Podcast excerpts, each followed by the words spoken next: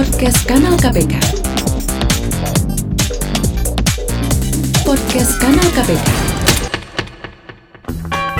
Perhatian-perhatian, ini adalah klinik gratifikasi. Ada yang bisa kami bantu? Apa saya bisa dapat barang gratifikasi tanpa proses lelang ya? Terima kasih. Itu tadi pertanyaan dari Iswanto melalui Twitter dan akan langsung dijawab oleh Anggi Fitriani Mamonto dari Direktorat Gratifikasi KPK. Silahkan.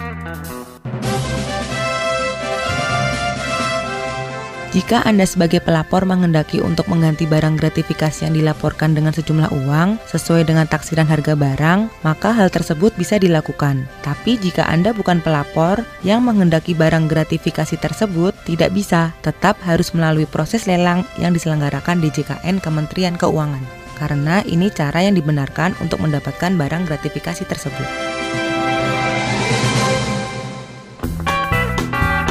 Nah, sekarang udah tahu kan? Segala permasalahan seputar gratifikasi dapat Anda tanyakan kepada kami melalui Twitter di @kanal_kpk dengan hashtag klinik gratifikasi. Sampai jumpa di klinik gratifikasi berikutnya.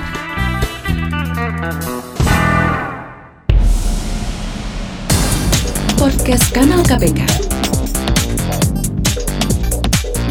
Podcast Kanal KPK.